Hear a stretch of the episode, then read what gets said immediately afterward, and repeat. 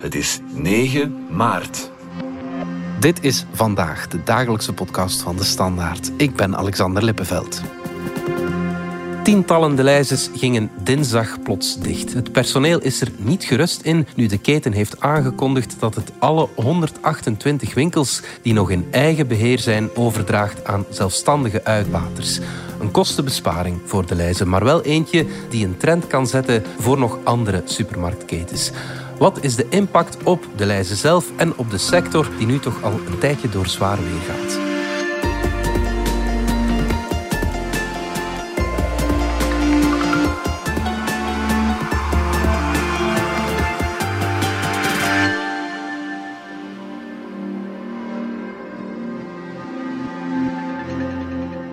Ze zijn er al een tijd mee bezig over de gepresteerde uren, over uh, kostenbesparingen en dergelijke en de stijgende energiekosten. Uh, dus ik zag wel een aantal maatregelen gebeuren, maar dit was echt wel ja, dit had ik niet zien aankomen. Ik dacht, er gaan een paar winkels zelfstandig worden, maar niet alle 128. Ja, dat heeft er niemand gedacht. Hè. Dat was een bom die ingeslagen is. Dat waren een aantal werknemers van de Deleuze in Wondelgem bij Gent voor de microfoon van VRT Nieuws. Pascal de Nove van onze economie-redactie. Er was dinsdag een uh, opvallende aankondiging vanuit het hoofdkantoor van uh, Deleuze. Vertel eens, wat uh, hadden ze te zeggen? Ja, dat ze niet langer eigen supermarkten willen aanhouden, dat ze die gaan verkopen aan zelfstandigen en zich eigenlijk terugplooien op een soort, soort ondersteund met extra diensten uh, naar die zelfstandigen toe. Mm-hmm. Een, een, zeer drastische aankondiging, want alhoewel het merendeel van de winkels van de lijzen al uitgebaat waren door zelfstandigen, waren dat toch altijd meestal kleinere winkels en de 128 grote supermarkten die de lijzen zelf in eigen beheer deed, ja, dat waren de vlaggenschepen. Eh, die, die waren bijna goed, uh, grofweg goed voor de helft uh, van de omzet. Mm-hmm. Tegenover 636 zelfstandige winkels, waarvan uh, veel kleine. daar zitten veel kleine tussen, Shop Go, een, een, een, een proxy, formule, veel buurtwinkels eigenlijk. En dan ook wel wat AD, de lijzes. Maar zelden of nooit zo'n grote supermarkten zoals, die lijzen, eh, zoals we de lijzen daar kennen. Ja, ja oké, goed. Laten we eens even kijken naar uh, de lijzen. De lijzen presenteert Kleine Leeuw, Kleine Prijs. Word jij in onze winkel soms ook verleid door zoveel lekkers en kwaliteit? Wel, vanaf nu zijn er de Kleine Leeuwtjes. De lijzen. Mee met het leven. Wat betekenen zij vandaag voor de Belgische retailmarkt, zeg maar? De lijst is de nummer twee. En de marktleider is nog altijd Colruyt, die met eigen winkels werkt. Ze hebben ook wel de sparformules, dus hebben dan ook wel wat ervaring met zelfstandigen, maar werken eigenlijk ook meestal met eigen winkels. Dan heb je de lijst, de nummer twee en de nummer drie, dat is Carrefour. Mhm. Dat was ooit de marktleider, bekend onder de naam Super en Maxi GB. En ja, die, keten is eigenlijk de eerste grote keten met eigen winkels die in de problemen is gekomen in België en die voor dat zelfstandige model grotendeels is gaan kiezen.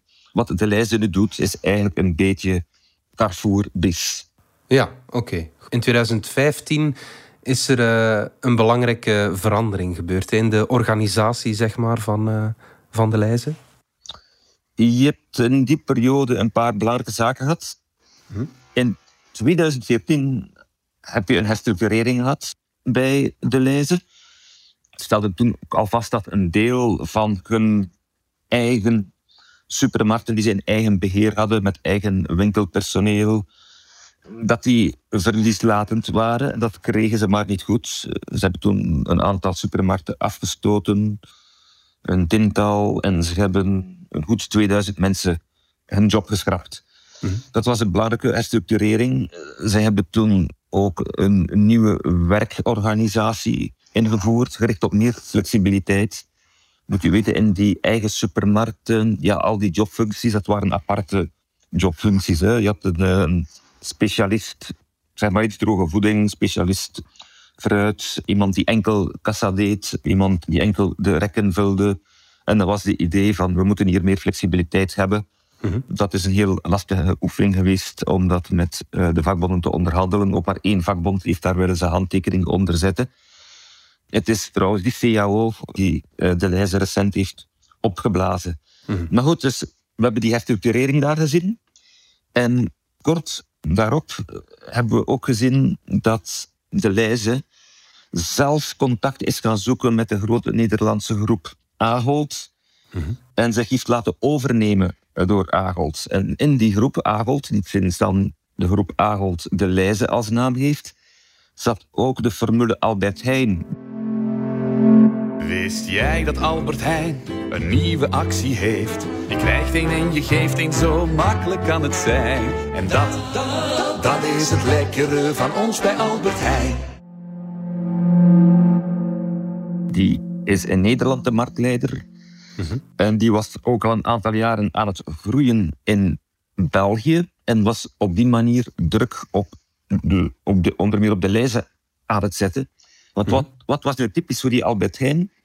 Ja, dat waren nieuwe uh, supermarkten. Ze kwamen met de belofte van dat ze tegen de Hollandse prijs hier gingen verkopen. En ze werkten vooral met jonge krachten. Nieuwe winkels met jonge mensen. Dus meer flexibiliteit en goedkopere mensen. Eh, want uh, oudere werknemers ja, die verdienen gewoon meer. Mhm. En dat zette enorme druk op de lijzen in eerste instantie. Ja. En dus heeft de lijzen zich in de armen van Ahold gegooid. Die groep is gefuseerd. En de lijzen kregen daar de belofte dat de Belgische markt aan de lijzen zou gelaten worden. Mhm. De lijzen zou het moedermerk worden en Albert Heijn zou iets verder expansie zoeken in België. Ja. Op die afspraak is men al snel teruggekomen. Albert Heijn is blijven winkels openen en zijn zog, zegt de Nederlandse concurrent van Albert Heijn Jumbo, van blijkbaar is daar in België een boterham te verdienen, is hier ook beginnen nieuwe supermarkten openen. En zo krijg je een situatie dat er eigenlijk te veel, te veel supermarkten die jacht maakten op te weinig consumenten. Ja. Met alle gevolgen van die. Dus het is eigenlijk door de beslissing van de Leize en later Ahold de Leize zelf dat de Leize nu ja, mee onder druk komt te staan en dat ze deze beslissing... Ja, weet je, Albert Heijn was al in die Belgische markt aan het groeien. Hè? Dus dat was al een feit. Hè? En je kon dus eigenlijk wel aannemen dat op een bepaald moment Jumbo sowieso zou zeggen we gaan die uh, Belgische markt ook aanpakken. En dus kan je even goed redenering omdraaien. Het is beter dat wij als groep het terrein bezetten in plaats dat we het aan andere groepen laten. Als ik het goed begrijp, dan heb je dus in die supermarktsector eigenlijk twee types van winkels. Die zelfstandig uitgebaten winkels en dan die geïntegreerde winkels die in beheer zijn van de keten zelf. Wat is daar het grote verschil? Typisch eh, voor de geïntegreerde winkel is dat je spreekt over een groot, groot bedrijf eh, met veel eigen personeelsleden en waar dan ja, je dan ook belangrijke vakbondsvertegenwoordiging hebt. In, in de retailsector, hè, typisch vroeger uh, Carrefour, De Leize, dat zijn, dat zijn al bedrijven waar de vakbonden traditioneel sterk staan. Die hebben dus voor hun werknemers ook altijd goede voordelen uh, weten te onderhandelen. En zolang het goed ging, was dat allemaal geen probleem. Maar als je dan in een markt komt ja, die overbewinkeld is, te veel supermarkten, waar je met een kosteninflatie zit, waar de marges serieus onder druk komen en waar er dan bespaard moet worden, ja, dan wordt het lastig, dan heb je een probleem. En de Leize heeft blijkbaar geoordeeld ja, dit zelf hier recht trekken, door moeilijke onderhandelingen gaan, proberen die kosten te verlagen, mensen ontslaan eventueel. Blijkbaar hebben ze geoordeeld, ja, dat is eigenlijk geen structurele oplossing, want we stellen al meer dan twintig jaar vast dat onze zelfstandige winkeliers sneller groeien dan onze eigen winkels. Mhm. En je zag bijvoorbeeld dat tussen, ja, dat heel recente cijfers die ze daar hebben gegeven tussen 2018 en 2022, die eigen supermarkten van de Leize jaarlijks iets meer dan 1% omzet verloren. Terwijl de zelfstandigen met 3,5% groeiden. Dat is iets meer dan de markt. Ja, als je dan die projectie doet dat je omzet van je eigen winkels maar blijft dalen, en als je dat dan naar de toekomst gaat projecteren en terwijl stijgen je kosten, dan zie je dat dat niet goed komt. De les heeft dat blijkbaar geoordeeld. We geloven niet dat we dit nog zelf kunnen uh, rechttrekken. Je hoopt dat die zelfstandigen dan er zullen inslagen om die supermarkten op een meer rendabele manier uit te baten. We luisteren even naar de directeur HR van uh, De Leize. Die zei dat er voor de werknemers eigenlijk ja, niets verandert. Uh, alle betrokken personeelsleden van deze supermarkten uh, behouden daarbij hun tewerkstelling en maken mee de overstap naar de zelfstandige De Leize-winkel. Ze behouden daarbij ook hun loon- en arbeidsvoorwaarden. Is dat zo? Verandert er echt niets voor hen? Voor het personeel is er een groot verschil. Um, waar je dan vroeger werkte voor een grote groep. Hè. Bij de lijst had toch nog 9200 eigen werknemers. In België word je dan eigenlijk overgeplaatst naar een um, zelfstandige winkelier. Uh, en kom je in een bedrijf terecht met, uh, wat zeggen, rond de 50 werknemers. Zal eens wat minder zijn, zal misschien eens wat meer zijn. Maar je komt eigenlijk in een kleine KMO terecht. En je bent niet langer onderdeel van een grote groep met 9200 mensen, waar je misschien ook wel kon hopen carrièrekansen te hebben en carrière te maken. Dat is een totaal ander gegeven. Je hebt geen rugdekking meer van vakbonden. In die kleine bedrijven is er weinig of geen syndicale vertegenwoordiging. De, de grens ligt daar op 50 werknemers. Mhm. Je zit in een totaal andere constellatie waarin je terechtkomt. Christel van Damme van ACV Puls die benadrukte op eh, Radio 1 dat ze bezorgd is om de arbeidsvoorwaarden van de werknemers in de sector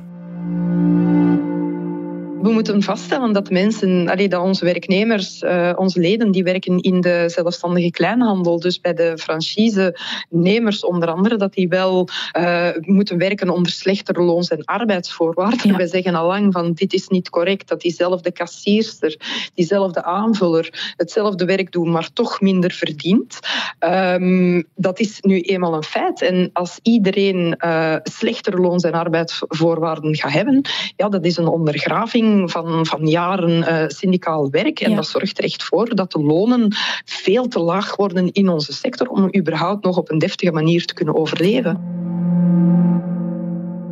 Pascal, zijn er dan geen garanties dat er niet te veel wordt uh, geknibbeld aan de loonsvoorwaarden? CAO 32 bis die stipuleert dat de werknemers hun loonvoorwaarden en arbeidsvoorwaarden behouden. Maar de vraag is natuurlijk, wat gebeurt er vervolgens? Je wordt getransfereerd. De werknemers die overgaan, behouden hun loon- en arbeidsvoorwaarden. Maar die zelfstandige winkelketens, die opereren wel in een ander paritair comité. Met goedkopere arbeidsvoorwaarden, andere arbeidsvoorwaarden, minder aantrekkelijke premies. Dus voor die nieuwe en voor die zelfstandigen die die supermarkt vervolgens gaat uitbaten, wordt het eigenlijk aantrekkelijker om nieuwe krachten aan te werven die hem minder gaan kosten, want die gaan dan betaald worden aan de voorwaarden van het paritair comité. Mm Je hebt daar ook nog eens het verschil dat de werknemers die nu bij de lijzen werken en die zouden overgeheveld worden, die zijn allemaal al vrij lang aan de slag bij de lijzen, hebben dus een vrij hoge anciëniteit, zijn al wat ouder en dus verdienen dus meer. Ja, in de kering is daar een dubbel verschil. Die zelfstandige winkelier heeft een paritair comité waar de loon- en arbeidsvoorwaarden aantrekkelijker zijn, maar die hij enkel kan benutten voor nieuwe krachten die hij aanwerft. Want de bestaande populatie van de lijzen, daar moet hij die duurdere voorwaarden en die oude contracten respecteren. Mhm. Voor die zelfstandige winkelier wordt het natuurlijk aantrekkelijk dat een aantal van die ouderen, vooral die duurste werknemers, het pand verlaten en dat hij die kan vervangen door goedkopere krachten, die wellicht ook nog jonger zijn en daardoor nog eens goedkoper gaan zijn en die ook flexibeler zullen zijn. In zo'n zelfstandige supermarkt, anders dan in zo'n geïntegreerde supermarkt, doe je alles. Hè. Daar is zo job description van ik doe enkel dit, dit en dit en voor de rest moet je mij niks vragen. Of, of het moet via overleg met de vakbonden zijn. Mhm. Dan moeten we op de tafel gaan zitten. En als je dan wilt dat daar taken bij komen, daar moet daar iets tegenover staan. Nee, uh, in die zelfstandige supermarkt gaat die eigenaar zijn personeel overtuigen om, om soepel, flexibel te zijn. Uh, en dan moet je gewoon alles kunnen doen. Rekken vullen, aan de kassa zitten, um, onthaal doen. Mm uh, dus daar is geen discussie hè, over van... Um, wat kunnen ze mij wel vragen en wat kunnen ze mij niet vragen. Ja, ze kunnen nu eigenlijk alles vragen. Hè. Ja, Dus dat is toch wel een totaal andere constellatie. En dus daar kom je met twee groepen, op termijn kom je met twee groepen werknemers. De oudere, duurdere werknemers en dan de nieuwe generatie goedkopere, jongere werknemers. Dat, dat, dat wordt een uitdaging, dat zie je van hier. Hè. Ilia van den Borre van De Leijze, de personeelsdirecteur, die benadrukt dat ze wel begrip hebben voor de bezorgdheden van het personeel. We begrijpen uh, ten volle dat deze aankondiging de nodige emoties en ook heel wat vragen uh, kan oproepen. Uh, we gaan daarom onze medewerkers vandaag en in de komende dagen zo goed mogelijk informeren en hen ook zo goed mogelijk begeleiden bij deze transitie. Is er ook een verschil in loonkost voor de werknemers in een zelfstandige en in een geïntegreerde supermarkt? heb me laten vertellen van de vakbonden dat het voor een werknemer het loonverschil per maand 300 euro bruto kan zijn. Het heeft te maken vooral ook met premies, hè. avondtoeslagen, maar ook zondagtoeslagen. Nu, geïntegreerde eigen supermarkten die de lijzen zelf uitbaat, die kunnen maar een beperkt aantal zondagen per jaar open zijn. Is meestal rond de feestperiode. Maar zo'n mhm. zondagpremie daar is er een premie, ja, die zondagspremie komt uit op 300% van het loon. Hè? Terwijl in die zelfstandige supermarkten is dat 20 à 40 procent. Oké. ja. De werkweek is ook korter in een geïntegreerde en een door de lijzen zelf uitgebate uh, supermarkt, 35 uur. Bij de zelfstandigen is dat 36,5 uur. En bij die zelfstandigen heb je dus ook het, loon aan zich die iets lager is dan in een geïntegreerde supermarkt. Zelfs, zelfs jobstudenten die misschien in de zomer klussen, zullen dat verschil wel weten. Dat ze zeggen, je kan beter bij een eigen Deleuze jobstudent gaan spelen dan bij een zelfstandige supermarkt. Want daar ligt het loon wat lager. Ja. En je moet wat flexibeler zijn dan dat is, maar dat is, voor de, dat is niet voor de jobstudenten, maar voor het personeel. Dus meer flexibiliteit en iets lager loon. Daar komt het op neer. Wat betekent het eigenlijk voor de, voor de klant? Ja, is de winkelervaring anders in uh, een zelfstandig uitgebate Deleuze tegenover een, ja, een grote Deleuze in eigen beheer? Een zelfstandige winkelier is een eigen zaak. Die, die, die gaat daar natuurlijk over waken dat de klant koning is. Het gaat om zijn geld, zijn uh, portemonnee. Die zal hmm. er alles aan doen uh, dat het goed loopt. Maar voor de klant, ja, ga je toch, uh, vrees ik, soms ga je verschillen in de twee richtingen zien. Hè? Het, het uh, franchisingmodel dat de lijzen nu toepaste, mm liet en laat ruimte aan de zelfstandigen om deels zelf nog in te kopen. Laat zeggen dat je 80 90 90% inkoopt via de lijzen en dan konden ze nog zelf wat hun assortiment aanpassen. Je hebt bijvoorbeeld de bijvoorbeeld... Uh, die in, in Deinze is daar een voorbeeld. Dat is een van de beste zelfstandige uh, de in, in, in Vlaanderen.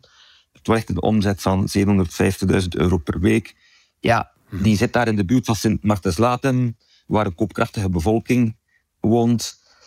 Die heeft zijn assortiment daarop afgestemd. Hè. Dus je kan daar kwaliteitsproducten vinden die je elders in de lijzen niet gaat vinden. Er zijn ook bijvoorbeeld de toen je die Gin Raja had een paar jaar geleden, waar hij in die zelfstandige deel waar die zelfstandigen zich daar echt in specialiseerde en daar een enorme variëteit aan ginflessen aanbood die je in een gewone de niet vond.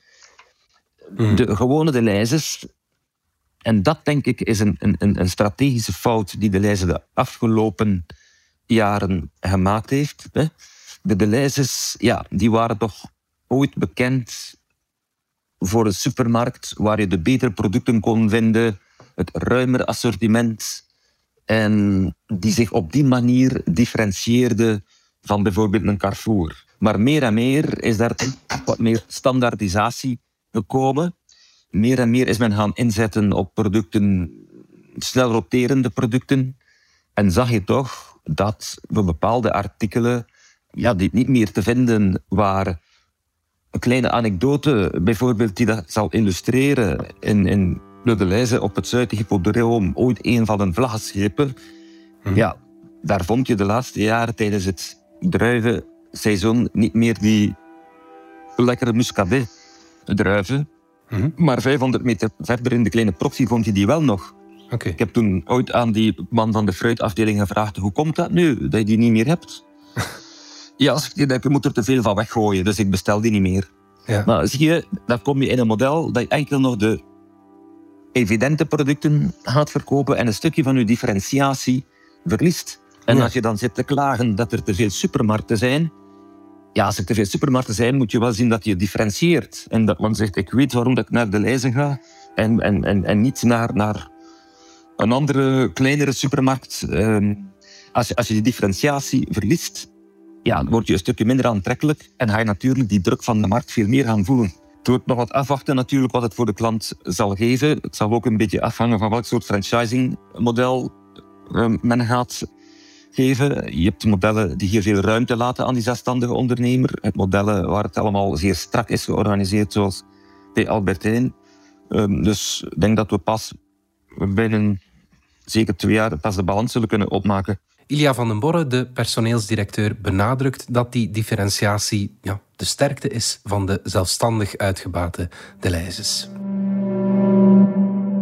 Wel, door optimaal gebruik te maken van de sterkten van dat zelfstandig model, kunnen we beter inspelen op, uh, op de verwachtingen uh, van de klant.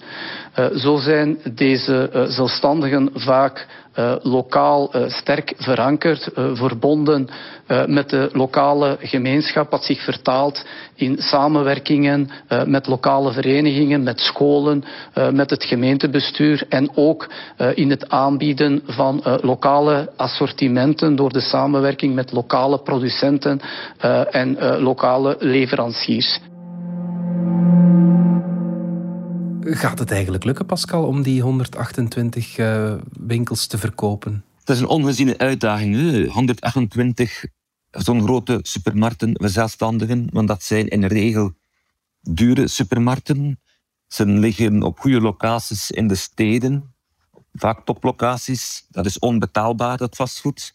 Mm Dus de lezer zal dat vastgoed houden en die gebouwen verhuren aan die zelfstandigen.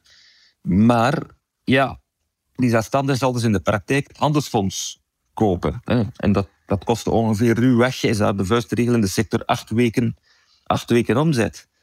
Een supermarkt die een miljoen euro omzet uh, per week doet, dan ga je dus de 8 miljoen moeten neertellen. Is het 500.000 euro omzet uh, per week, zal dat ongeveer 4 miljoen zijn. Dat zijn enorme bedragen. De lijst zal zeer creatief mm. moeten zijn om het mogelijk te maken dat zelfstandigen die zware factuur aankunnen.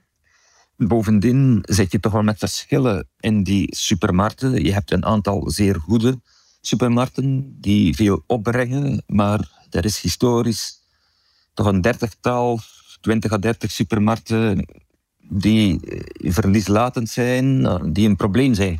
Mhm. Nu, als zelfstandige, als je kan kiezen ik bouw hier zelfs een winkel op van 0 tot 100. Dat is een aantrekkelijk verhaal. Maar als je dan een winkel moet opbouwen van 60 naar 100, eh, een winkel met een moeilijk verleden, ja, met nog wat dure personeelsleden, dat is natuurlijk een veel moeilijker verhaal. Dus er is heel grote twijfel in de sector of de lijzen dat wel zal rondkrijgen. Er wordt ook uitgekeken of al die supermarkten wel de lijzen supermarkten gaan worden.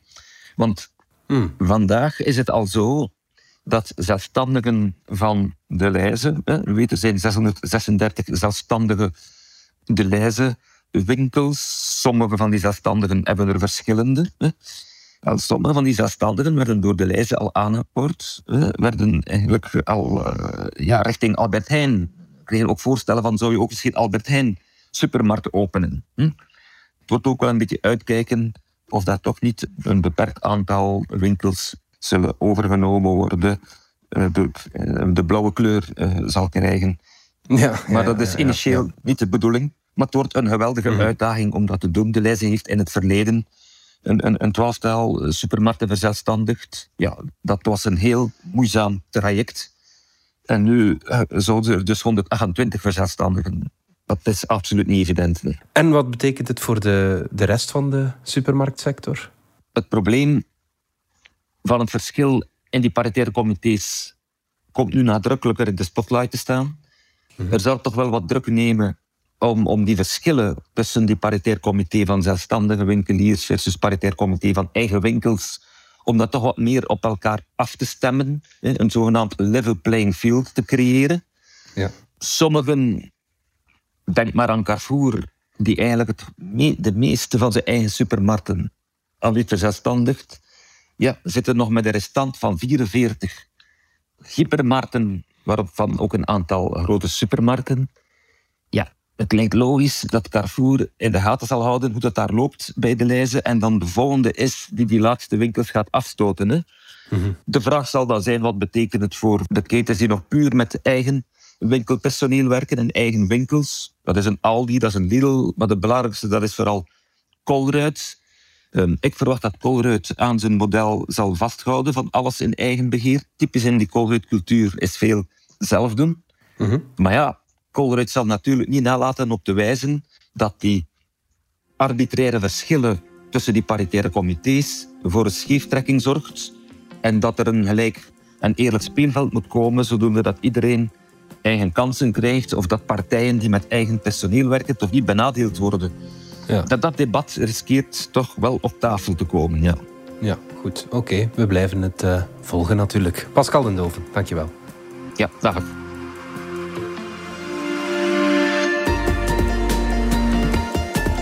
Dit was vandaag de dagelijkse podcast van de Standaard. Bedankt voor het luisteren.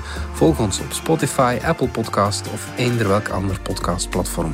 In onze gratis FDS podcast kan je niet alleen ons werk beluisteren, maar ook de beste podcasttips terugvinden met zorg geselecteerd door onze redacteur Max de Moor. Alle credits van de podcast die je net hoorde vind je op standaard.be-podcast. Reageren kan via podcast.standaard.be. Morgen zijn we opnieuw.